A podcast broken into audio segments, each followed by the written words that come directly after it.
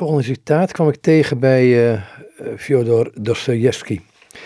Het komt uit de gebroeders Karamazov in de vertaling uit het Russisch door Jan van der Eng. Het is een uitgave van uitgeverij van Oorschot in Amsterdam.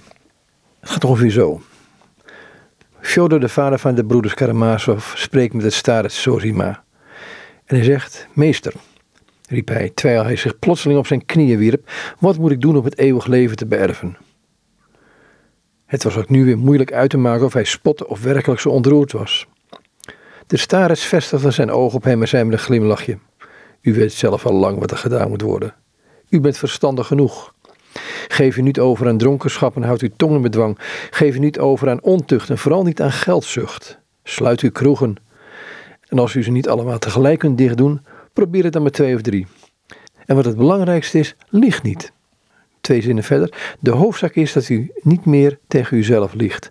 Hij die zichzelf beliegt en zijn eigen leugen gehoor schenkt, is op het laatst niet meer in staat te onderscheiden van wat waar is in hemzelf en anderen. En daarmee verliest hij alle achting voor zichzelf en anderen.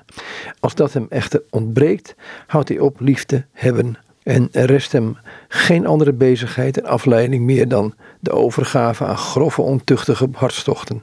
Hij zal tenslotte, ten gevolge van het onophoudelijke liegen tegenover zichzelf en anderen, voorkomen verdierlijken. Hij die zichzelf beliegt, houdt er voor alles van de beledigde te spelen. Zich beledigd voelen is soms een aangename sensatie, nietwaar?